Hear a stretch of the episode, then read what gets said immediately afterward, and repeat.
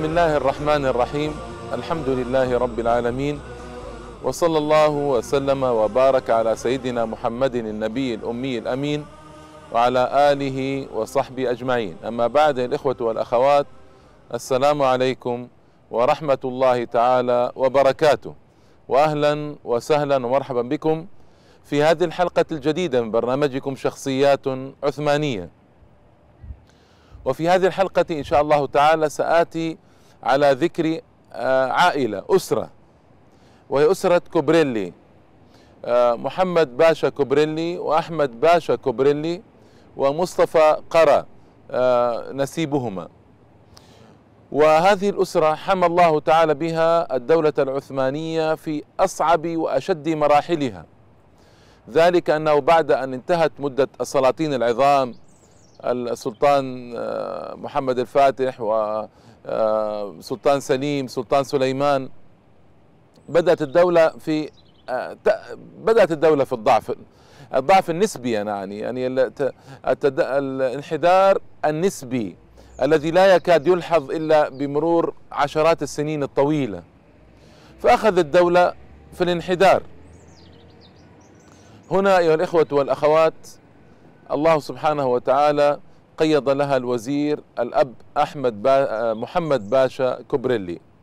من مظاهر الانحدار للدولة أنه كان هنالك تعيين لسلطان عمره سبع سنوات سلطان محمد الرابع.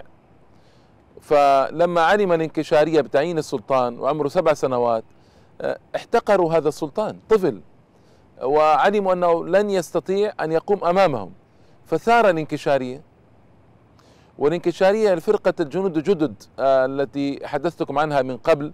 ربما لمن لم يسمع هي هي طريقة اتخذها العثمانيون الأوائل من أجل أن أبناء الأتراك ابتدأوا يغالون في طلباتهم في الالتحاق بالجندية.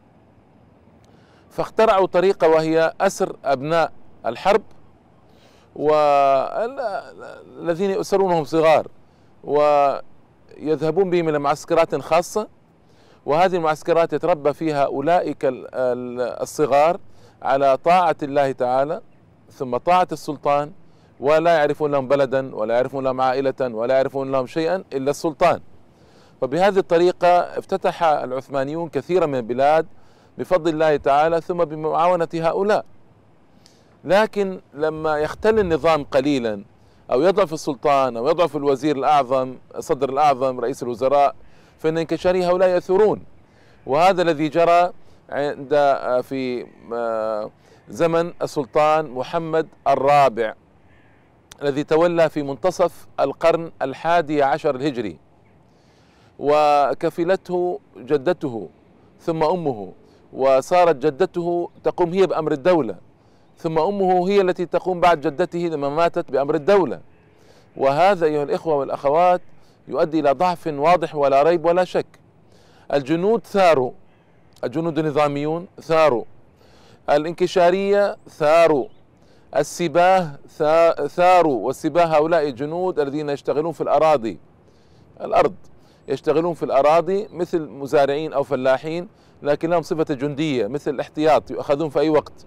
هؤلاء ثاروا أيضا. الأهالي ثاروا.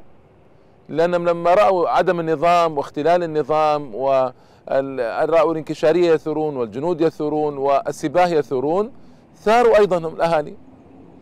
وثار الولاة وهذه الكارثة الدولة تعرضت فعلا لكارثة ليس بعدها كارثة. الولاة ثاروا. كان هنالك رجلان ثارا في الأناضول. أحدهما يدعى قاطرجي أغلو والثاني يدعى كورجي ييني. هذان ثارا في الأناضول وتغلبا على وادي الأناضول وسارا إلى القسطنطينية وكان من المتوقع أن يأخذ القسطنطينية أيضا وفي هذا بلاء عظيم. فالذي جرى أيضا أن والي أن أنهما في طريقهما إلى قسطنطينيه اختلفا فيما بينهما. اختلفا وهذا من رحمة الله تعالى.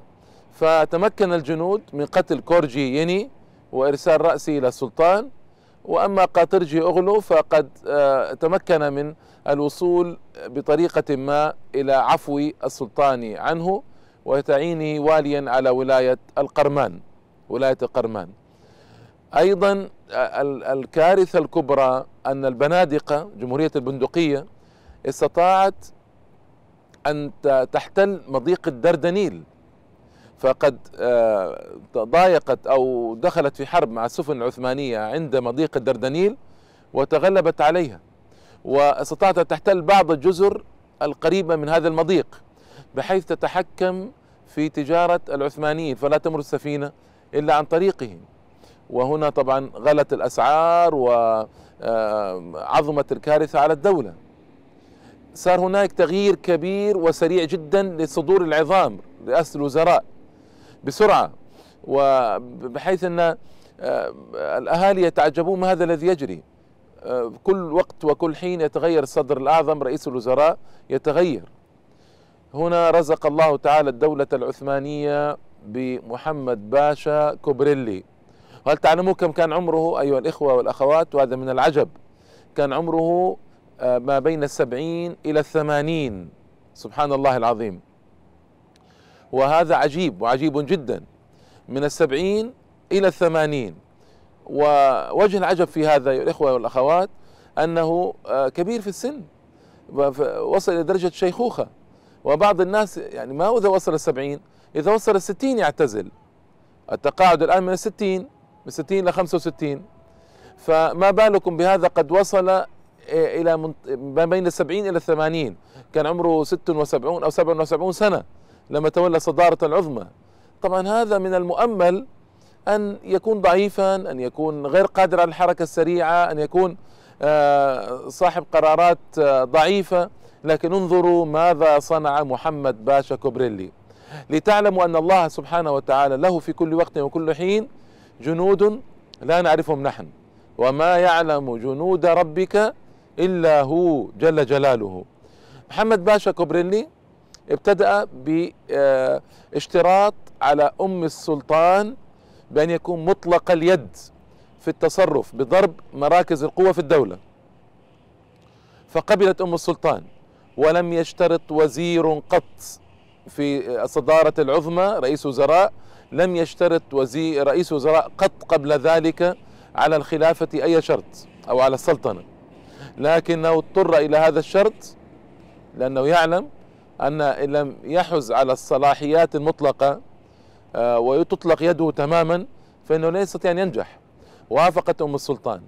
فابتدأ يرتب الوضع الداخلي وبقوة. مثال آه الذي صنعه في البدايات أنه بدأ يعامل انكشارية معاملة من يريد طاعة عمياء بدون نقاش. فثار عليه انكشارية كالعادة فقتل كثيرا منهم. قتل كثيرا من انكشارية. وهنا القتل هذا طبعا آه، جائز إن لم يتعدى حد الحاجة إليه وإن كان لمصلحة العامة لأن هؤلاء مفسدون في الأرض.